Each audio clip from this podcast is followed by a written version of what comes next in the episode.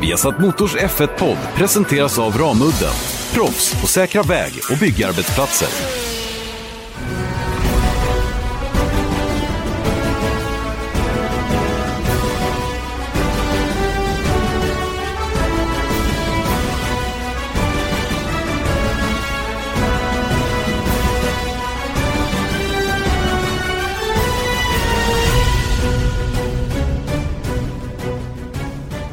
Jaha hörni, mycket välkomna till Formel 1-podden eh, anno 28 maj 2019. Formel 1-podden spelas alltså in där datumet. Det är tisdag och det är precis ett par dagar efter två av världens mest kända biltävlingar och de har avgjorts under ett och samma dygn, nämligen i söndags Monacos Grand Prix Indy 500. F1-podden på plats på båda två.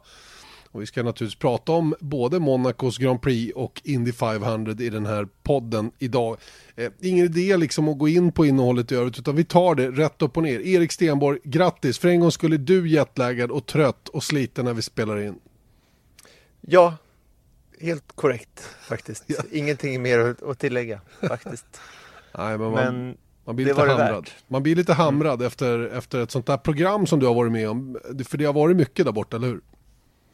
Ja, det varit nästan lite så här, du vet när man kommer dit på det är en sak att sitta med listan som jag satt och gjorde, så här produktionslista med alla reportage och inspelningar och sånt där. Eh, då kändes det så här, men det är bra att vi är utnyttjar den här tiden vi får. Men sen så när man väl står där och känner så här att det här, du vet, vi, vi gjorde väldigt mycket kan jag väl säga. Mm, ja, men jag att, känner ju dig så jag vet exakt hur det var.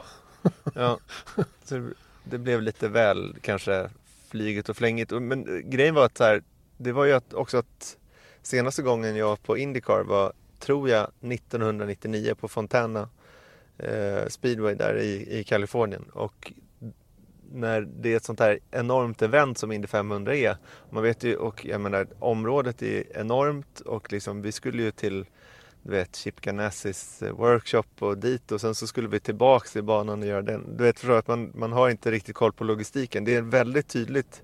Och foto-Magnus, eh, Magnus Andersson då, vår fotograf, han var ju med i, eh, på Indianapolis också och vi pratade just om det att man är så inkörd på F1 hur allting fungerar. Här var det helt plötsligt någonting väldigt, väldigt annorlunda och bara liksom kulturen som vi kommer komma till eh, lite senare också. Att så här, man gör inte saker på samma sätt. På Nej. gott och ont. Så är det verkligen. Um, ja, precis. Vi kommer tillbaka till Indy 500 om en liten stund. Men uh, vi börjar tycker jag med Monacos Grand Prix. Och du har inte sett så himla mycket av det. Så du får väl egentligen fråga mig om hur det var. Ja, det är väl lite det som är tanken här. Du, du har ju för sett Indy 500. Ja, fast jag är inte, jag är ju bara skrubbare på ytan. Jag såg ju, jag såg ju de här timmarna när de körde så att säga. Va? Men du har ju sett saker och ting mer under ytan. Ja, jag eh, såg kvalet till eh, och en träning på repris, alltså till Monaco. Mm. Och sen så såg jag med ett halvt öga där på racedagen för att de hade ju F1 igång utan ljud på, i mediacentret. Så att jag såg i alla fall, säg att jag såg 25 varv. Ja, då såg du så väl då, ungefär alla. ja, exakt. Men det, det som är svårt är att göra en F1-podd utan att ha sett F1-loppet. Men, Men det därför, får vi lösa på det här sättet. Det är därför som det är så bra att jag har kommenterat loppet och sett desto mer. Ja, hur var racet, Janne Blomqvist? Ja, men eh, jag får säga att racet var bättre än jag hade förväntat mig. Ehm, jag har alltid höjd för att eh, man, man blir liksom besviken över race, racet på söndagen och och har, har liksom hanterat förväntningarna på rätt sätt. Så att jag, jag vet vad jag ska förvänta mig. Och utifrån den förväntan så blev racet bättre. Det, det, var ju några detaljer som, som, eh, som blev lite spännande. Dels hade vi Charles Leclerc då, som hade bommat kvalet med hjälp av sitt team. Eh, starta långt bak. Det brukar ju alltid hjälpa till att få lite dynamik i saker och ting. Förra året hade vi Max Verstappen i en liknande situation. Eh, och han körde om många i början och så vidare.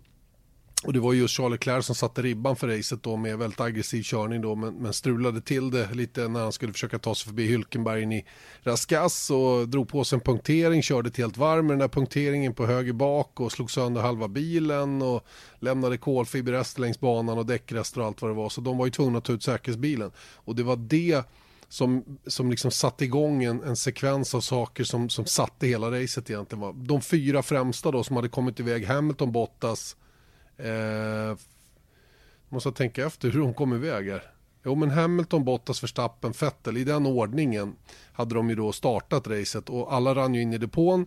Eh, Hamilton lät ju, eller fick sticka iväg lite för Bottas bakom säkerhetsbilen för att det skulle bli lucka. De skulle dubbelstoppa Merca. Så Hamilton in, gör sitt stopp, lägger på medium, drar iväg. Bottas kommer in, lägger på medium, ska åka iväg. Samtidigt eh, ska även eh, Max Verstappen och Sebastian Vettel åka iväg. Mm. Och Red Bull de har ju världens chans att komma en bit upp i, i listan då genom att eh, hoppa förbi Bottas då som tack vare att han var tvåa in i depån då blev lite långsammare ändå och det var på vippen att det löste sig va? men tyvärr så, så um, vart det lite för tight. Teamet släpper ut honom för tight och det blir kontakt i depån. Eh, punktering igen för Bottas, vilket han nog ska vara glad för i slutändan. För han hade ju medium på då efter första stoppet. Åker ett helt varv då med en pyspunka, det är ingen allvarlig grej. Tillbaka in igen. Hinner ju göra sitt stopp utan att tappa mer än en placering ytterligare.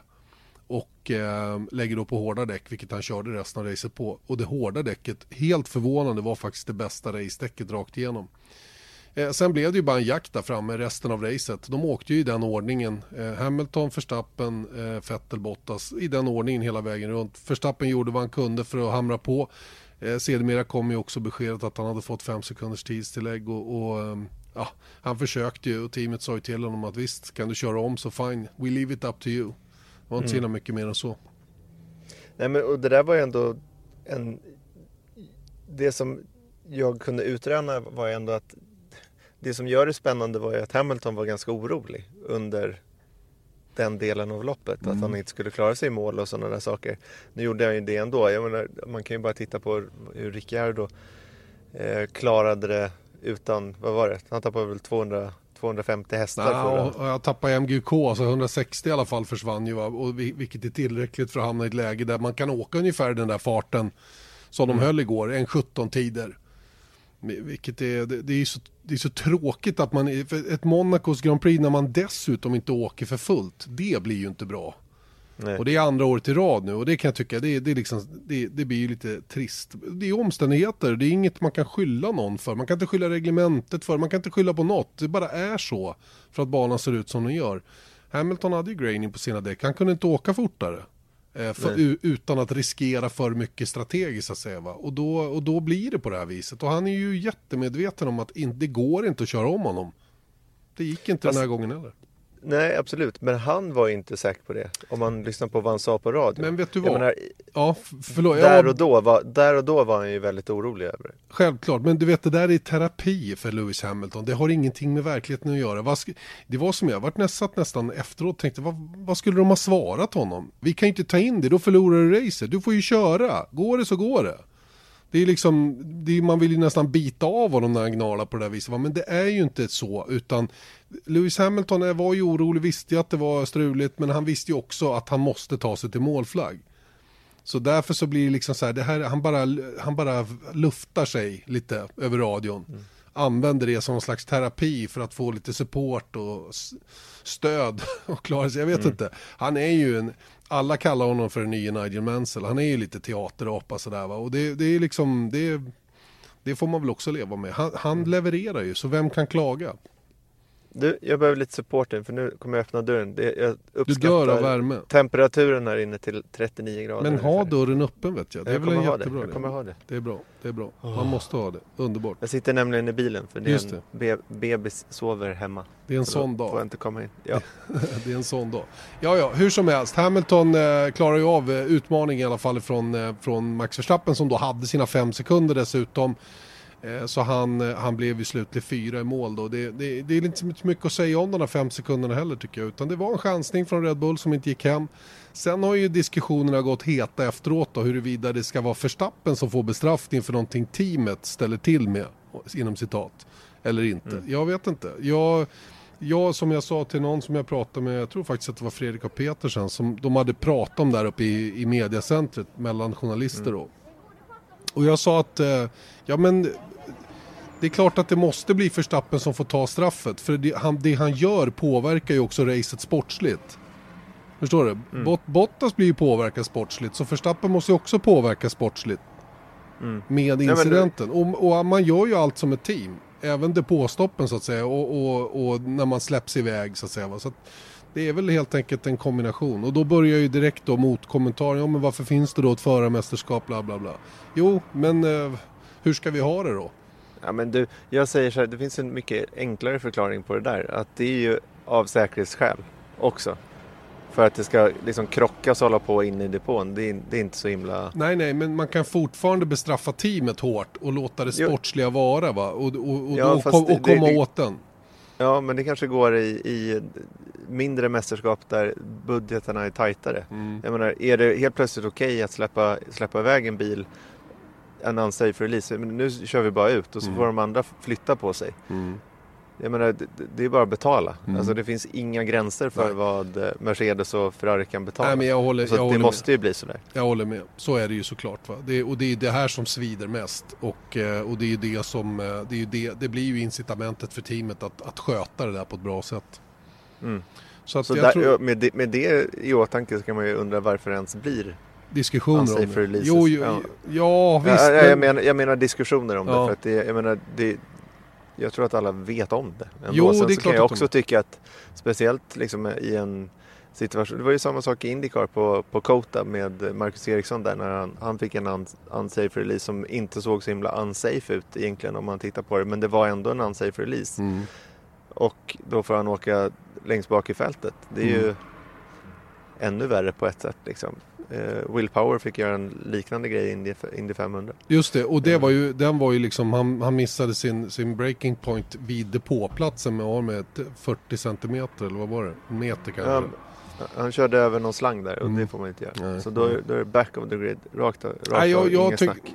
jag tycker inte heller att man ska göra någonting åt det där. Den bestraffningen ska ligga på teamet och föraren. Det måste bli så så att säga. För annars, skulle man, annars blir det abuse på en gång. Mm. För, för pengar saknas inte att betala eventuella böter. Och så stora bötessummor så att det verkligen svider för teamet. Det, det, det är liksom, då blir ju påföljden inte rimlig eh, i förhållande till vad man har gjort så att säga. Va? Så att, eh, nej, Nej. vi, vi får nog leva med det där. Mm. Men du, jag tänkte på, du nämnde någonting för ett bra tag sedan i och för sig, men jag tänkte just på det här med Ferrari, att de tappade bollen igen. Och det var ju liksom igen då strul under kvalet för Leclerc. Eh, men jag tyckte också att något man kunde ta med sig var ju att om det var någon som var, eller något team som överkörde den här helgen. Alltså det var ju som flipperkulor i hela, hela kvalet, hela racet i stort sett av olika anledningar då. Men det var ju det var faktiskt Björn Wirdheim som sa det att liksom det, det, det blir ju sådär. Man måste det finns så mycket att vinna i Monaco på att ta chanser. Men problemet är ju att Mercedes behöver inte ta de där chanserna för de är tillräckligt snabba ändå. Exakt, och det är precis det det handlar om ju rent generellt just nu. Att, att Mercedes är så bra så att de kan, de kan, liksom, eh, de kan åka med lite, lite mm, mm, mjuk padding på sidorna så att säga. De behöver liksom inte gå ända ut till gränserna. Och det, det är ju oerhört, var ju oerhört tydligt den här helgen också då. Medan Ferrari då, precis som du säger då, är, är stressade. Till att börja med vet de ju inte varför bilen är långsammare än Mercedes bil. De, de, vet, de vet effekterna. Men de vet inte hur de ska lösa det.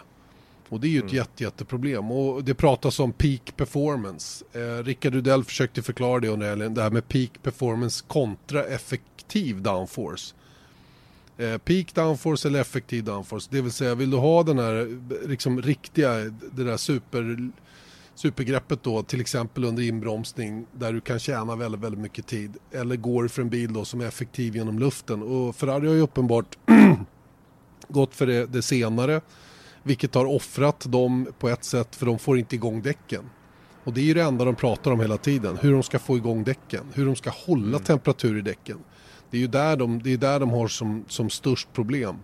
Och hur de ska komma åt det där, det vet de ju inte riktigt vad. Nu har de ett litet, litet fönster där. Där de snabbt som attan måste komma på vad det är för att rädda nästa års bil. Som, som till mångt och mycket redan är klar. Och Ja. den här förändringen till tunnare slitbana som man har gjort i år, det har ställt till det ordentligt för många. Väldigt, väldigt många och det kommer att ta tid innan man kommer, kommer liksom överens om med, med de här nya däcken och får, och får det att funka. Eh, Merca har ju varit hårda på däck och har ju nästan glidit in i sweet spot-fönstret. Ferrari som har varit rätt så bra på däcken tidigare håller på att glider ur fönstret istället. Va? Det är ju det som har hänt känns det som. Och vi spekulerade i sändning i att det kanske är så att årets Ferrari hade varit glimrande på förra årets däck. Antagligen var det Mm. så. Att Mm. de, för de har väl inte riktigt räknat med den här äh, effekten som den här tunnare slitbanan har. Och är det klart, vet vi det, om det är samma konstruktion på däcken nästa år?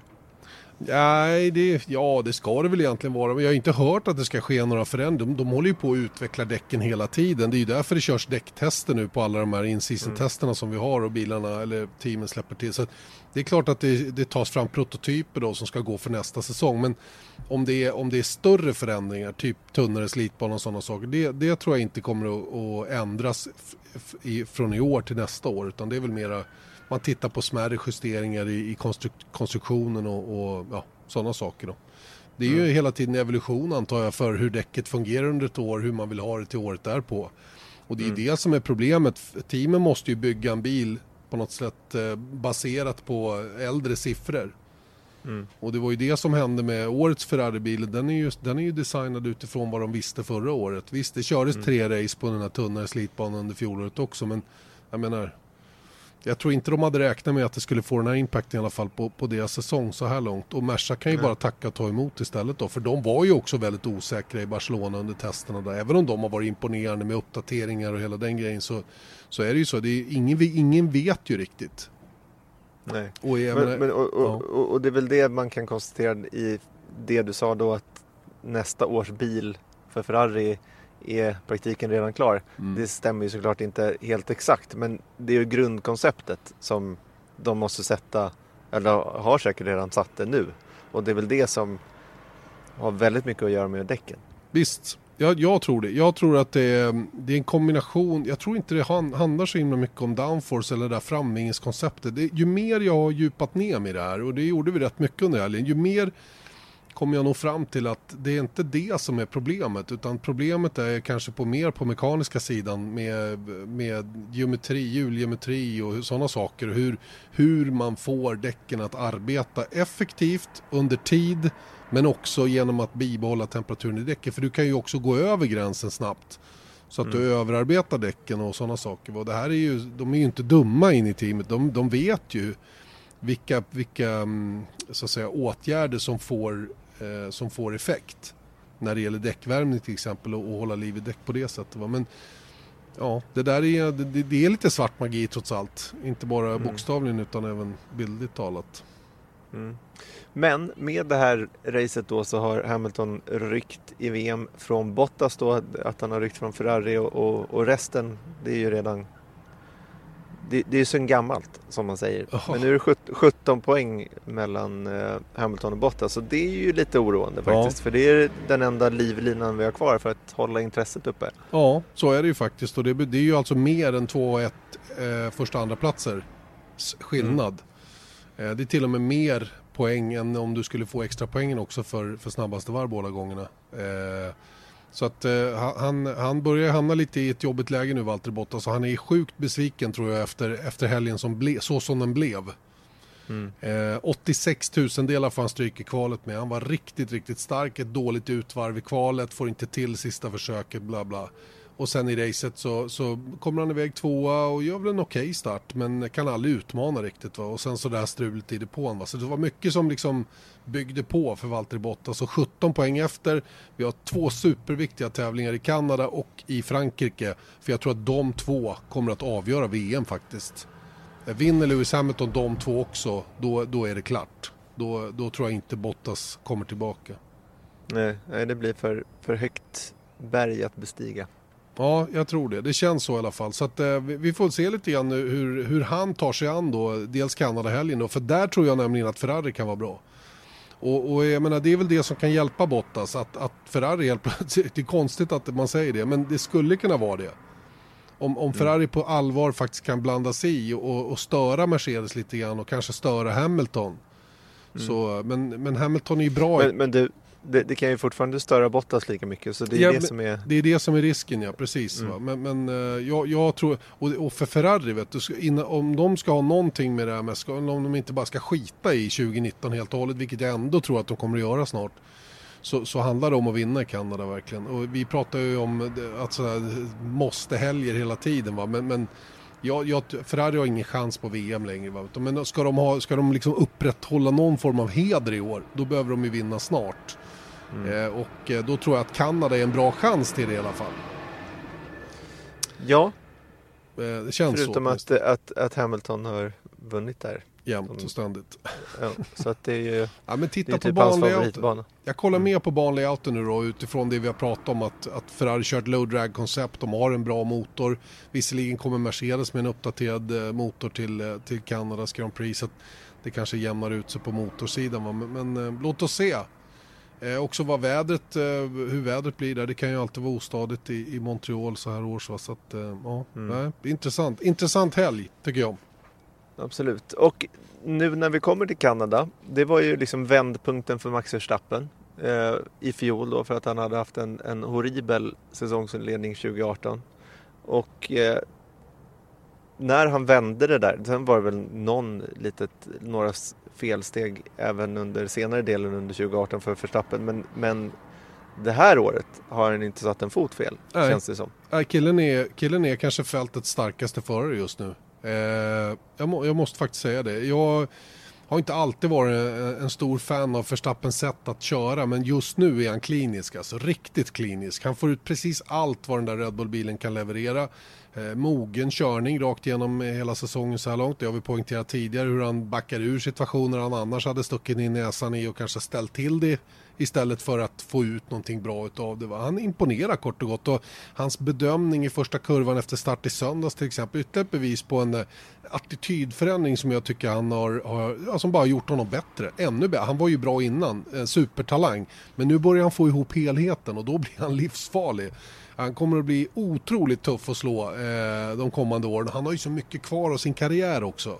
Där har vi mm. nästa gubbe som kan komma att dominera, totaldominera VM faktiskt. Om han hamnar eh, i ett team som, som faktiskt kan ge honom det han behöver för att vinna också. Det, det har inte riktigt Red Bull lyckats med hittills. Va? Men, men eh, han, har, han, har, han imponerar verkligen på mig, Max Verstappen, med att helt plötsligt vara nästan lite tråkig eh, inom citat. Mm. Du förstår vad jag menar va? Han, han ja, men jag skulle där... precis komma till det. Nej. Att det är ju liksom det, det, där väldigt, väldigt spektakulära som ibland då lyckades omkörningar han dök och jag menar man minns ju apropå Monaco då hur han gjorde sin rookie-säsong där mm. när vem var det som skulle varva någon annan? Han hängde bara på och så tog han två platser där liksom. Och, och, eh, och sen så smällde han spektakulärt med Grosjean tror jag att det var liksom. Mm. Jag menar, det, han var liksom... Fågel eller fisk? Ja, ja, men det var ju ganska kul att följa. Nu är han inte... Jag menar, jag tänkte på, på den här jakten som han hade mot Hamilton i, i slutet av racet. Att, jag menar, Max Verstappen anno 2017-18. Han hade ju liksom tryckt av honom. Ja, jag tror inte att, jag tror att han hade gjort en, en, en slarvigare och mer gröv, grov manöver på Hamilton. Nu var det så här kalkylerad risk. Mm. Han tänkte att nu gör jag det. Men jag, han gjorde det inte ändå fullt ut. Va? Han tänkte inte sätta av Lewis Hamilton liksom. Bara stånga bort honom. Utan det var, det var en välbedömd manöver som inte riktigt gick hem. Va? Det var så små marginaler. Va? Men den, den var väl utförd ändå på något sätt. Va?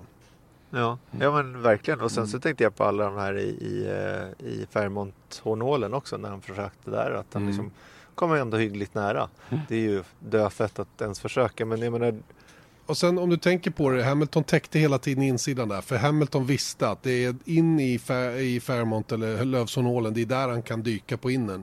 Hamilton mm. placerade sig mitt i och gärna lite längre in. Han, han åkte ju så sakta här va, så han fick ju nästan vänta på att greppet skulle komma. Mm. Det var ju så pass och sen så roterade bilen och han öppnade diffar, han gjorde allt han kunde va, för, för att hjälpa bilen att komma runt i svängarna och sen satte han utgångarna hela tiden. Och mm. framförallt ut ur portier in i tunneln och sen även eh, ut på start och mål där han fick lite, lite luft för han var väldigt långsam in i första sväng. Eh, även, eh, även Mirabeau och så ner, ner till, eh, till Övsånålen. Så att, eh, jag tycker även Lewis Hamilton imponerade med sin körning Eh, på alla sätt och vis, verkligen liksom. Mm. Eh, så Du, att, eh, ja. ha, har du några, om vi ska liksom börja närma oss slutet av Formel 1-delen här, har du några överraskningar eller besvikelser? Eh, ja, överraskningen... Eh, överraskningen... McLaren kanske? Ja, jag höll på nästan på att komma dit. För det, de körde ju rätt imponerande teamkörning faktiskt. Det visade sig att Landon Norris inte riktigt hade pacen den här helgen. Eh, inte på samma sätt som Sainz som hade en svår helg också faktiskt. Fram till kvalet. Då vaknade bilen till liv och han började få den rätta känslan. Och han kvalade också in topp 10. Eh, sen så bestämde ju sig, Norris hade ju ingen fart alls. Samma problem som Lewis Hamilton. Grainade däcken tidigt, körde medium i början där och fick dem inte alls. De kom aldrig in överhuvudtaget och han blev väldigt långsam. Vilket då eh, insåg i teamet då kunde göra nytta åt Carlos Sainz. För Sainz var ju bakom Magnusen Ricardo. Ricardo som dessutom hade tagit Magnusen i starten. Men de två, Magnusen och Ricardo gick in i depå vid första säkerhetsbilen. Och hamnade ju bakom Landon Norris. Så Landon Norris jobb blev ju så småningom då att, att se till att luckan blev så stor att Sainz fick ett fritt depåstopp. Och det lyckades han ju med. Eh, och eh, ja, Renaults och, och, och Haas beslut att ta in Magnusen Ricardo där i början, det kan man inte säga så mycket om. Man kan inte veta vad alla andra runt omkring ska göra. Eh, nu drog de det kortaste strået, verkligen. Framförallt Magnusen som enligt egen uppsago, utsago ville att motorn skulle explodera. Han tyckte det var bättre än att ta målflagg på 12 plats som sedermera blev 14. Och han fick bestraffning också för att ha tjänat lite, eller han genade i kamp med Perez där och, och släppte inte position. Mm. Sainz hade ett väldigt coolt första varv också. Han, Ja. han är ju ganska stolt över det själv också så han har ju lagt ut det på Ja, jag såg det. sociala medier. Det är Jag faktiskt... Eh, Ja, men det var bra. Det var bra, Snyggt. ingen tvekan. Mm. Verkligen. Eh, överraskningar eh, i övrigt? Nej, egentligen inte. Det var inte så mycket som överraskade. Besvikelserna är desto fler. Eh, Ferrari och Leclerc, jag tycker det är, det är, det är klantigt av Ferrari. Det där måste de, de måste lösa det på något sätt. Va? De, måste, de måste få tag i bollen igen nu. Och, och liksom lugna ner sig lite grann och börja tänka lite logiskt. Inte hålla på och vimsa runt och ta för stora risker. Och, Förarna blir ju stressade av det också så att säga. Va? Hela paketet blir lidande av att ledningen inte har ordning på grejerna. Så att eh, det där behöver de definitivt ta itu med. Och Alfa Romeo, vad hände med dem? Ja, det var de jag skulle föreslå härnäst. För att Herregud. sy- systerteamet. Och jag menar, det här är faktiskt lite, om man sätter det i perspektiv, att det fanns ju väldigt höga förväntningar på, i varje fall hos mig, hos Alfa Romeo i början av säsongen när man hörde liksom lite om sidor att de var sjukt nöjda med sin bil. Mm. Eh, men det har inte, alltså det är ju inte bättre än vad det var i fjol. Nej. Alltså de är inte högre upp. Nej. Jag menar, Kimi har tagit några bra placeringar också men jag menar kolla på vad Leclerc gjorde och förvisso Eriksson. Jag menar, här har vi ju Kimi är ju så stabil han kan vara och sen så Giovinazzi som inte, fortsatt inte då rosar marknaden direkt. Jag menar, han har inte tagit någon poäng. Han, det är han och två Williams som inte tagit någon poäng. Mm. Nej, det är inte bra. Med det... en bil då som skulle vara i toppen av mittfältet som man kanske trodde. Ehm, nej, jag hå- håller med. Jag, jag vet inte vad, vad som har hänt riktigt med Alfa Romeo. Om de inte hänger med riktigt i utvecklingskriget eller vad det nu är. Va? För det såg ju riktigt risigt ut även i Barcelona och sen så blixtrade de till där på någon träning. Mm. Eh, och då tänkte man så wow, eh, både Giovinazzi faktiskt och Kim Räikkönen och sen när man liksom tittar på hur det sen blev. Eh, de har faktiskt en, en Williams framför sig. Mm. Eh, jag tycker på, på besvikenlistan får man också sätta Racing Point. Alltså de, de, de, de, har, de har, det är en samma situation för dem som för Alfa Romeo tycker jag. Går bara bakåt just nu, trots uppdateringar i Barcelona som de hade väldigt stora förhoppningar på. Och Lance Stroll, hörni. Botox Cosmetic, botulinum toxin A, FDA approved for over 20 years. So, talk to your specialist to see if Botox Cosmetic is right for you. For full prescribing information, including boxed warning, visit BotoxCosmetic.com or call 877-351-0300. Remember to ask for Botox Cosmetic by name. To see for yourself and learn more, visit BotoxCosmetic.com. That's BotoxCosmetic.com. Vilken miserabel helg just i, i Monaco. Han verkar inte trivas på den där banan och vidare. Och jag undrar, han känns ingen, han, det känns inte som han är något sugen. Jag undrar om det är pappa som vill mer än han. Ja. Kan inte svara på det. Inte jag heller. Jag bara slänger Vi, upp vi bollen lämnar det där då. Ja. Men, men jag, jag måste säga om... ehm, jag skulle säga någonting om Alfa men jag, min hjärna hängde inte riktigt med i svängarna där så att jag har glömt bort det. Ja, Men det var jävligt insiktsfullt alltså. Ja, jo, jo, det är klart att det var. Mm. Men eh, det kommer säkert tillbaka. Var det viktigt så kommer det igen, brukar de säga när man glömmer bort vad man ska säga. Eh, Mm. I övrigt så får ju Monacos Grand Prix då eh, samma gamla kritik då för att det inte händer något, det är inte underhållande. Ändå har loppet alltid höga tittarsiffror. Så Mm. uppenbarligen finns intresset för Monacos Grand Prix, men möjligen på ett annat sätt då än ett vanligt race. Va? Men det- är, inte så mycket att, det är inte så mycket att diskutera längre. Vi har stött och blött det där hundra gånger. Jag fattar faktiskt inte varför man hela tiden blir liksom så förvånad över att racet inte var något spännande. Det, det är mera det som är förvånande än att racet inte är så spännande. Eller att det händer så mycket. Ja men jag tror också att... Jag ska inte säga fel förväntningar. För Ja, det, är inte det, det. det, handlar, det, det är inte det det handlar om. Utan jag tror att de som uttrycker sig mycket och gärna om det här. Det, det är så lätt att göra det. Men det, det man ska, jag ska inte avslöja några siffror här. Men jag träffade en hel del svenskar i, ehm, i USA. Och eh, då tror ju folk de går ju runt och det, jag kan förstå hur, hur, det, hur det blir så. Men att man på något sätt tror att tack vare då Marcus och, och Felix eh, att Indycar är, liksom, det är mycket större än, än F1 plötsligt. Jag menar intressemässigt i Sverige. Och jag kan bara konstatera att eh, trots att säsongen har sett ut som den gör i Formel 1 och att Monaco eh, alltid ser ut som det gör så intresset för Monacos GP är fortsatt skyhögt skulle Mm. jag kunna säga. Sen så var ju intresset för In- Indy 500 också skyhögt men det når inte upp till Nej. Absolut inte upp Nej, till, nej. till, till eh, F1 och Monaco. Nej, det, Så att jag menar, det säger ju faktiskt en del. Ja, jag tror att man är liksom, man måste... Det är någonting man kan ta med sig generellt. Bara Mm. för att man själv är intresserad eller bara för att man själv tänker eh, att så här borde det vara och för mina känslor säger mig att det borde vara så här. För att så här mycket känner jag för det här. Eh, det betyder inte att det är sant. Det var fint sagt tycker jag. Ja, men insiktsfullt, eller hur? Är sjukt insiktsfull. Du är, på, Ja. du är on, a, on a high roll här. Jag tror att jag, jag har liksom, du vet, så här, trötthet, att man börjar liksom halvyra. Och sen så då, då liksom kommer det djupt i hjärnbarken någonstans. Liksom. Att, att jag har sånt här i mig, Janne. Är du inte imponerad? Jag är sjukt imponerad, verkligen. Men kan vi, kan vi enas om att Monaco är och förblir vad det är och kommer förmodligen att vara med på kalendern eh, över överskådlig tid? Du, jag älskar Monaco. Bra. Viasat Motors Formel 1-podd trummar vidare då och eh, Janne Blomqvist Erik Stenborg som eh, har varit och besökt två av världens mest kända biltävlingar som avgjordes samma dygn i söndags, alltså Monacos Grand Prix Indy 500. F1-podden är på plats på båda de här, det är rätt coolt ändå. Det är lite styrkebesked.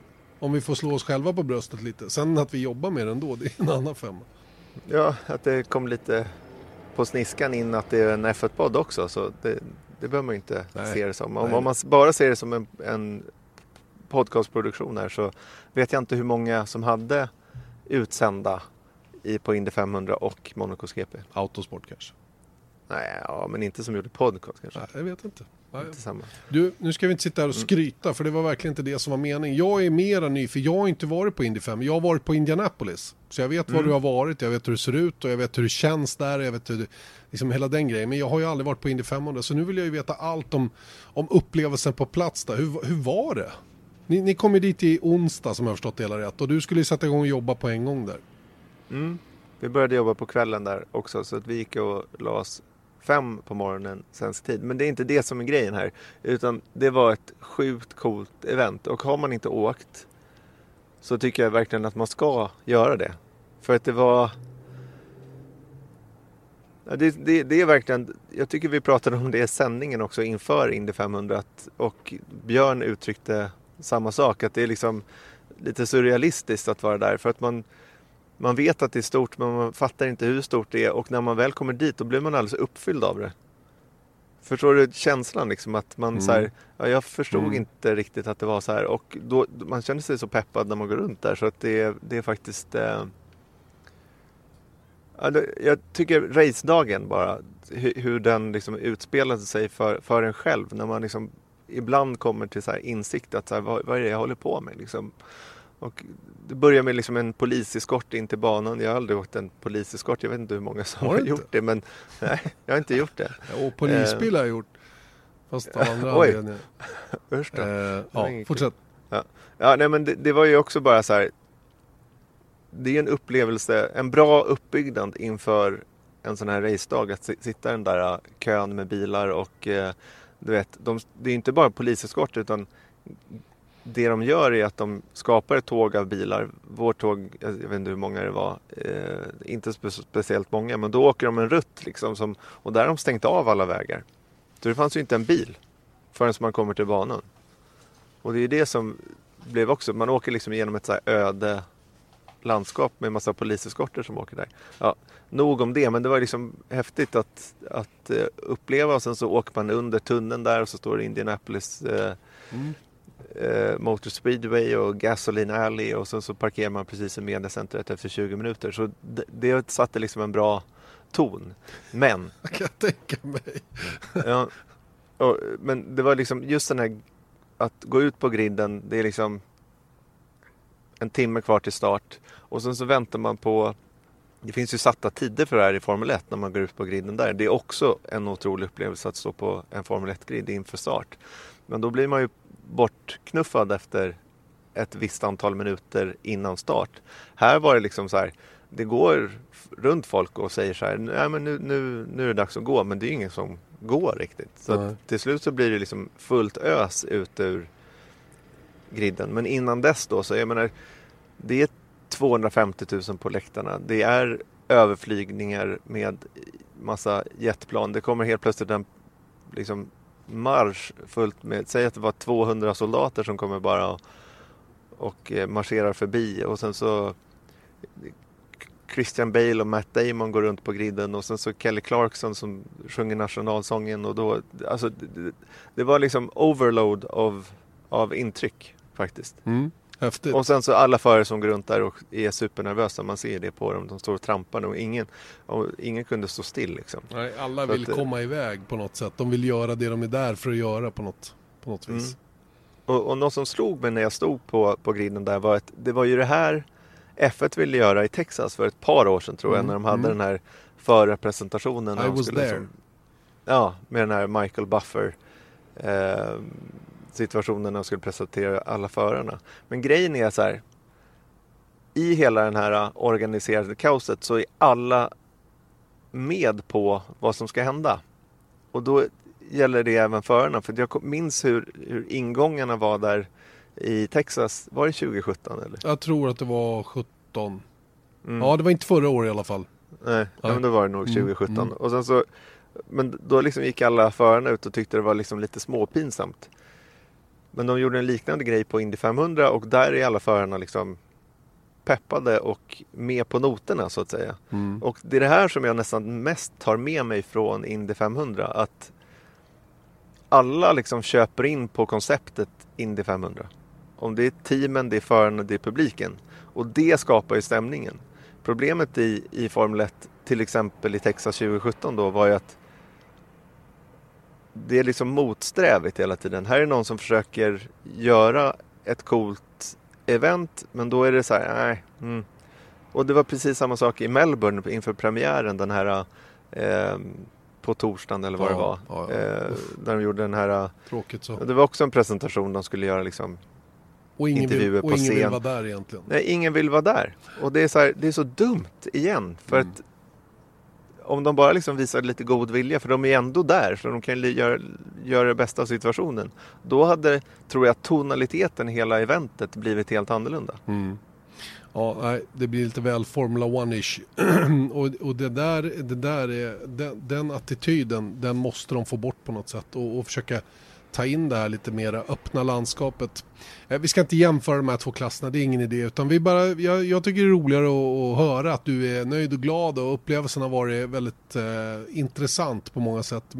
Jag vet ju själv hur pass öppet det är när man är där borta, va, men, men man har svårt att ta in ändå ett sånt här stort event om jag har förstått det hela rätt så har folk gått runt omkring bilarna i stort sett i en, en hel veckas tid där och kunnat ta alla bilder och prata med förare och det är liksom Ja, sanslös accessibility, eller access till, till förare och team där. Ja, och det menar jag på griden också. Det var ju inte media som var på griden. Det var ju halva publiken var ju på griden också. Mm. Och det var helt lugnt. Och då har de bara liksom några snören och sen så kunde man liksom i övrigt kunde du ju liksom ta på bilen om du ville det. Just det. Och Det- förarna. Det är inte så att de står bakom en eh, liksom mur av ingenjörer heller. Nej. Och familjen är där och Ja, men visst. barnen är Men- med och förarnas, förarnas menar jag. Det är också lite så här roligt kan jag tycka.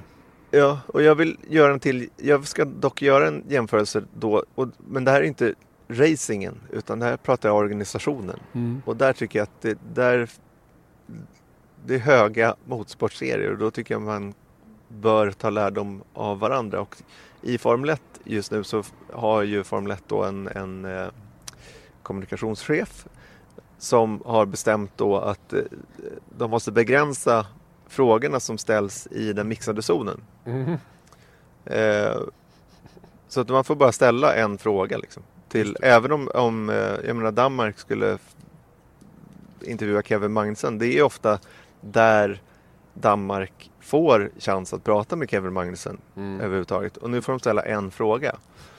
Eh, jag, jag, jag fattar inte riktigt den principen när det nu är viktigt för Formel 1 att växa sporten.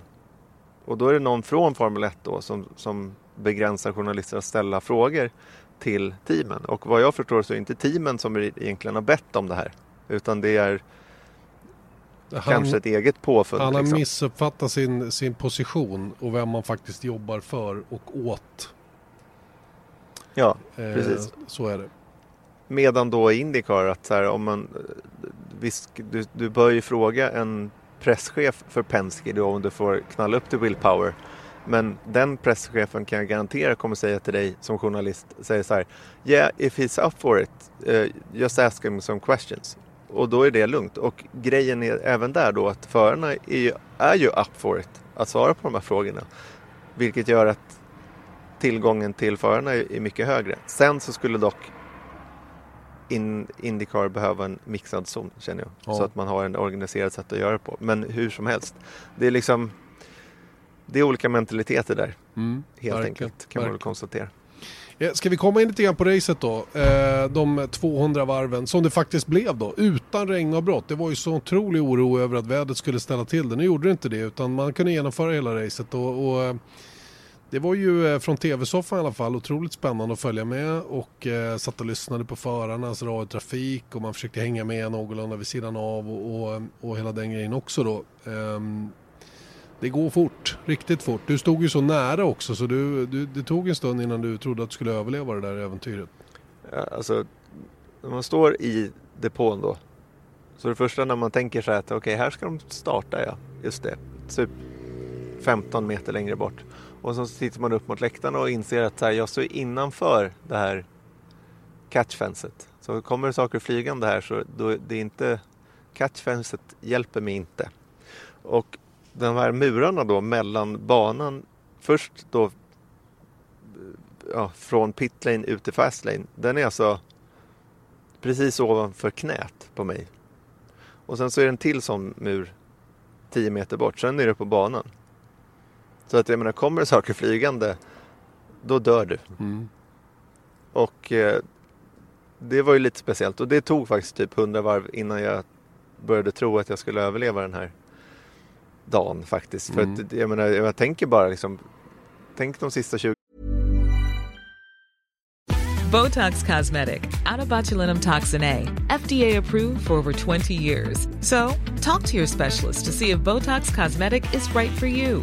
For full prescribing information, including boxed warning, visit BotoxCosmetic.com or call 877-351-0300. Remember to ask for Botox Cosmetic by name. To see for yourself and learn more, visit BotoxCosmetic.com. That's BotoxCosmetic.com. i varven, fighten mellan Rossi och Pagino. Menar, eh, det, de hade kunnat vända på varandra så skulle ett däck komma flygande. Det hade varit lite tråkigt. Men det verkar funka för dem i alla fall. Men det var, det var ju... Jag är otroligt mycket inne på upplevelsen för jag kanske är lite uppfylld fortfarande. Men det var bland det mäktigaste jag upplevt i eh, motorsportsväg faktiskt. Att stå där och se de här 33 bilarna komma i 370 kilometer i samlad tropp. Och sen så hurraropen från, från eh, 250 000 på läktarna och ytterligare 200 000 runt omkring då. Mm.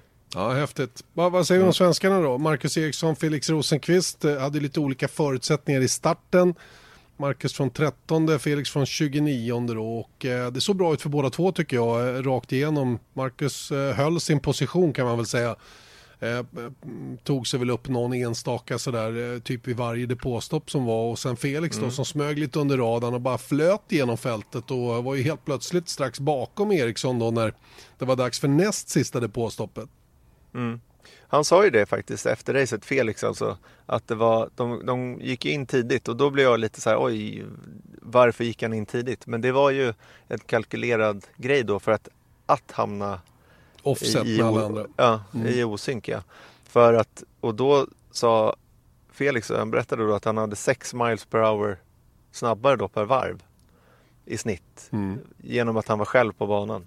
Eller att det var inte lika turbulent då när han låg där på runt 30 plats. Eh, och jag menar varenda varv man åker 6 miles per hour snabbare än de andra, då, det är ju gratisplatser. Ja men visst är det Så det. Så det var, det var en, en smart taktik från hans startposition helt Just klart. det. Och, det, och den använder de då för att tjäna positioner från den här låga eh, startpositionen, eller långt bak i fältet. Och sen vet man ju inte riktigt hur det där hade blivit i slutändan då. För någonstans får man ju offra det där tidiga stoppet också. Man, man, eh, man kommer ju lite tokigt med varven där.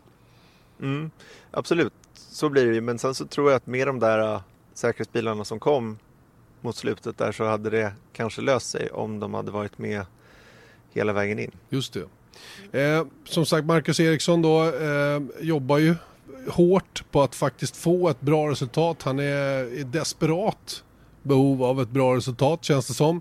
Och eh, gick lite, lite över gränsen då när han gick in i depån. Eh, ville försöka bromsa så sent som möjligt. Blev kanske lite girig i en sen bromspunkt in i depån och vänder, vänder runt bilen då. Och det, är ju, det är ju många saker som är problematiska med att komma från 340 ner till 100 på väldigt kort tid. Och den här fartblindheten som man har i kroppen.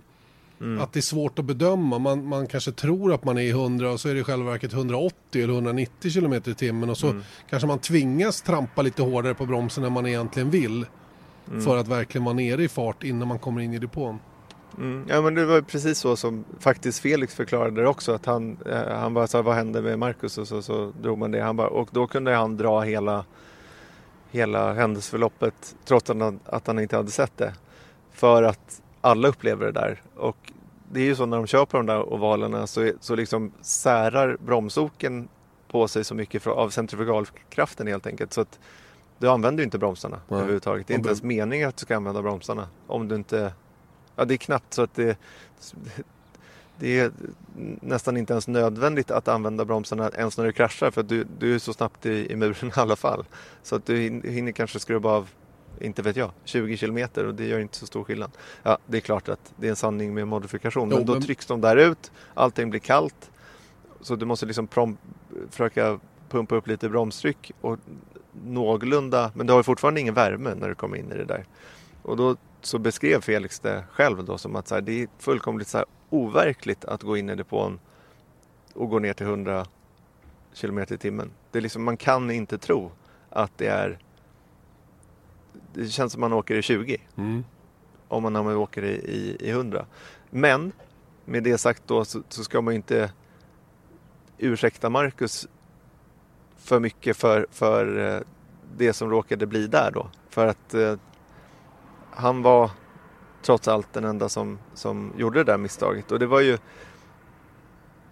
dock då vill jag bara sätta perspektiv på det att det är de marginalerna man åker på. Sen så var han ett, ett, en, ett uns över den marginalen och då blev det som det blev. Eh, Alex Rossi hade ju en liknande incident på väg in. Han, bilen fladdrade iväg för honom när han skulle gå på broms och, komma ner i fart för att komma in i depån. Vi såg några som missade sina depåplatser. Eh, Will Power som vi nämnde tidigare bromsade eh, någon meter för sent när han skulle stanna bilen vid depå, depåstoppet vilket kostade honom en hel del. Så att det där är ett kritiskt läge. Eh, det, det kändes bara så synd för Marcus som var bra med i racet i det där läget. Han borde haft lite, lite mer marginal kan jag tycka då för att ja. Men det är så lätt att vara efterklok. Eh, Mm. och man, man, man kan säga hundra saker och det, jag menar vad, vad han borde ha gjort istället. Va? Det blev ett misstag kort och gott och det kostade oerhört mycket. Mm.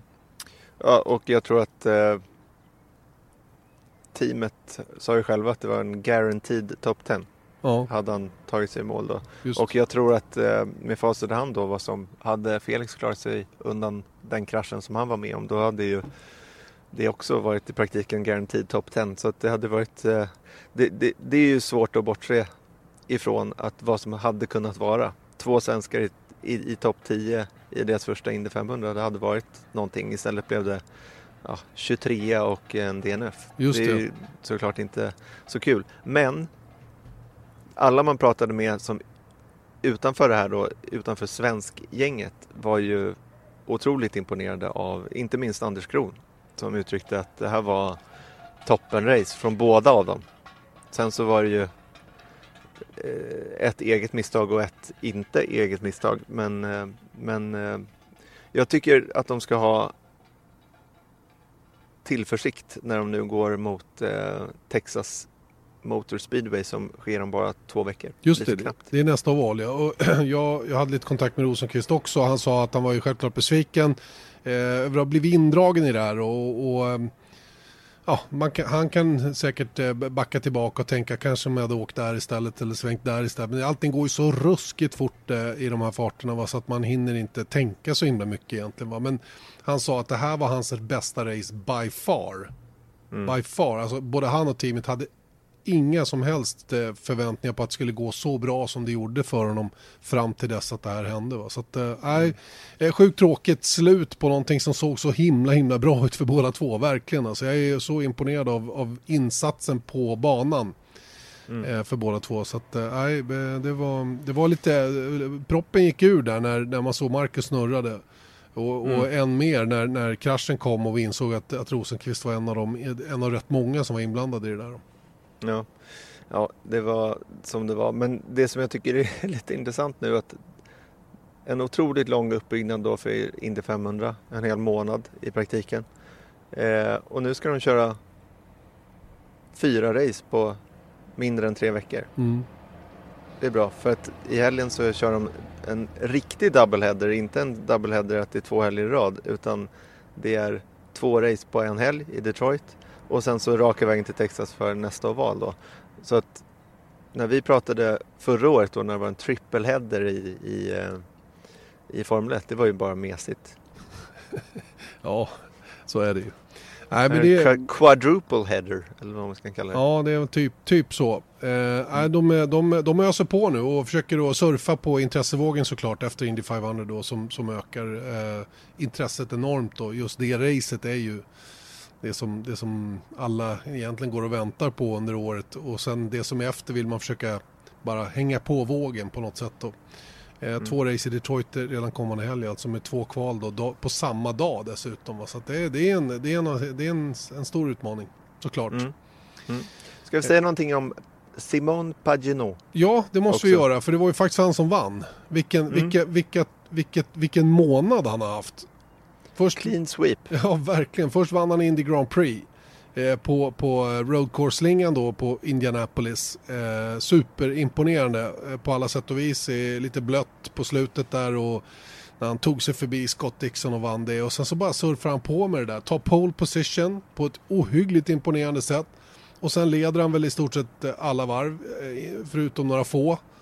eh, Under Indy Jag, jag tror 500. att det var rekord alltså för antal ledda varv för en segrare. Ja, jag kan tänka mig. Ja, han, han cashar nog in en del. eh, På alla Mm. de sätt och vis där. eh, Simon Pagenaud, Simon Pagenaud, han är ju faktiskt fransman. Och, ehm, och eh, vann racet där på, på ja, han var tuff på slutet, det var han. Alex Mm. Rossi och Takuma Sato. Jag satt och skrek i soffan, hålla koll på Sato, han kommer att vinna. Så. Mm. Vart lite uppeldad där sista varvet, men det, det räckte inte riktigt speedmässigt. Och Chevan var ju den starkare motorn också. Mm. Men det var ju också så coolt tycker jag hur han körde och försökte liksom bryta slipstreamen hela Mm. tiden. Mm. Och Rossi kunde ju inte hänga med där. Nej. I, i, i, I den typen av körning. Han gjorde inte samma sak sen de få varven som han var i ledning där. Men eh, ja, maken till spännande race. mm. ja, det är cool Och det, apropå hur Indycar fungerar, vilket var lite intressant också. De gör ju saker, de har ju ett reglemente men de kan ju frångå det ibland för att de tycker att det, det här blir bättre. Och det gjorde de ju när det var röd flagg. För normalt sett då skulle de här varvade bilarna vara mer än den där smeten. Om de skulle åka ut i, i samma ordning. Men de bara, och det, så är det i reglementet tydligen. Att efter röd flagg så ska allting återställas som det var eh, i ordningen på banan. Men nu, 20 varv kvar av Indy 500, då tänker man nej men de där varvade bilarna ska inte få förstöra den här festen, så skicka bak dem. Och så gjorde man det och då blev det ju väldigt spännande också. Mm, verkligen. Ja, imponerande. Imponerande avslutning och det är ju alltid så här med avslutande. De gånger jag har sett Indy 500 nu då. Eh, 17 gjorde jag racet själv, kommenterade och, och var i allra högsta grad inblandad och tittade och sen eh, även förra året såg jag ju större delen av det och nu den här gången. Så de här sista 20-30 varven, alla pratar ju om det. Det sa ju Anders Kronobjörn också innan racet. Det är en transportsträcka fram till, till det är 30 varv kvar. Det är då man ska vara med. Det är då man ska vara positionerad. Det är då man ska vara topp 10 för då har man chansen att vinna hela klubbet. Vet du vad det är? Det är exakt likadant som typ Tour de France. Ja, så är det nog ja. Fast man Man släpper, ligger inte, bara- man släpper inte iväg någon hare bara. Ja, fast nästan alltså. Mm. Var det så. För att det var ju inte, tänk dig Will Power var med där uppe och Sato var inte alls med där uppe heller. Så att, och medan Pagino låg där som en hare. Jag trodde att det skulle vara mycket större negativ effekt för Pagino för han gick ju alltid in i depå nästan först. För Ja. att det är klart att det kostar att, att ligga i, i ren luft också. Och, bryt, och bryta luften framförallt. Mm. Han får ju ingen slipstreaming överhuvudtaget och, och hjälp av någon annan då. Jaha, Precis. men du, eh, du åker ifrån Indianapolis med ett leende på läpparna då förstår jag. Oh ja, jag måste komma på ett sätt så att jag kan komma tillbaks. Ja, 2020. jag och Rickard som var i Monaco, vi, eh, vi sa väl också det att nästa år är våran tur. Du Eller, vet, eller inte. mm, du vet, vi får väl se. Vi får väl se. Vi har ju faktiskt ett, ett race kvar i Triple Crown Mm, som också visas i våra kanaler. yes. Eh, nämligen Le Mans 24 timmars. Det ska ju också bli en, bli en höjdare såklart. Mm. Ehm, det, det är ju ett, ett race av en annan karaktär dock. Men samma fest, det kan jag garantera. För jag var ju där för ett par år sedan och tittade på hur det var på plats. Och det var, jag tror, jag tror inte det är långt ifrån samma känsla när det loppet drar igång som när Indy 500 drar igång. Det, det är så här, det är bara översvallande på alla sätt och vis liksom. Mm. Vi får ju byta för du har varit på Le Mans och jag har varit på Indy 500 och då fattas fortfarande den där triple crownen på riktigt. Exakt, exakt. Alright, Det är bra. då eh, finns det inte så mycket mer att tillägga idag va? Nej, jag tycker inte det. Vi är tillbaka nästa vecka va? Ja, typ som vanligt. Eh, jag flyger mot Kanada på onsdagen där så att vi spelar in som vanligt på tisdagen. Och sen eh, laddar vi på då inför en ny Formel 1-helg. Kanadas Grand Prix alltså som, eh, som kommer att köras då och med en helt ny depå, nybyggd depå. Det ska bli spännande att se hur den ser ut och framförallt nya fräscha kommentatorshytter. Det ser man ju fram emot. Just det. Och jag är ju Indycar-Erik nu för tiden så att eh, jag vill också puffa då för Detroit. Just det, underbart. Hörrni, Vänta, ni... det är ju näst, det är, det är Ja, Detroit nästa helg. Just det. Kanadahelgen då är det Texas på lördagen. Ja, Just Lördagskvällen. det. Jag puffar för, jag puffar för Texas. Bra, gör det. Det Gör bra. det. Underbart. Vi ses om en vecka Erik. Sov gott nu. Adios! Viasat Motors F1-podd presenteras av Ramudden. Proffs på säkra väg och byggarbetsplatser.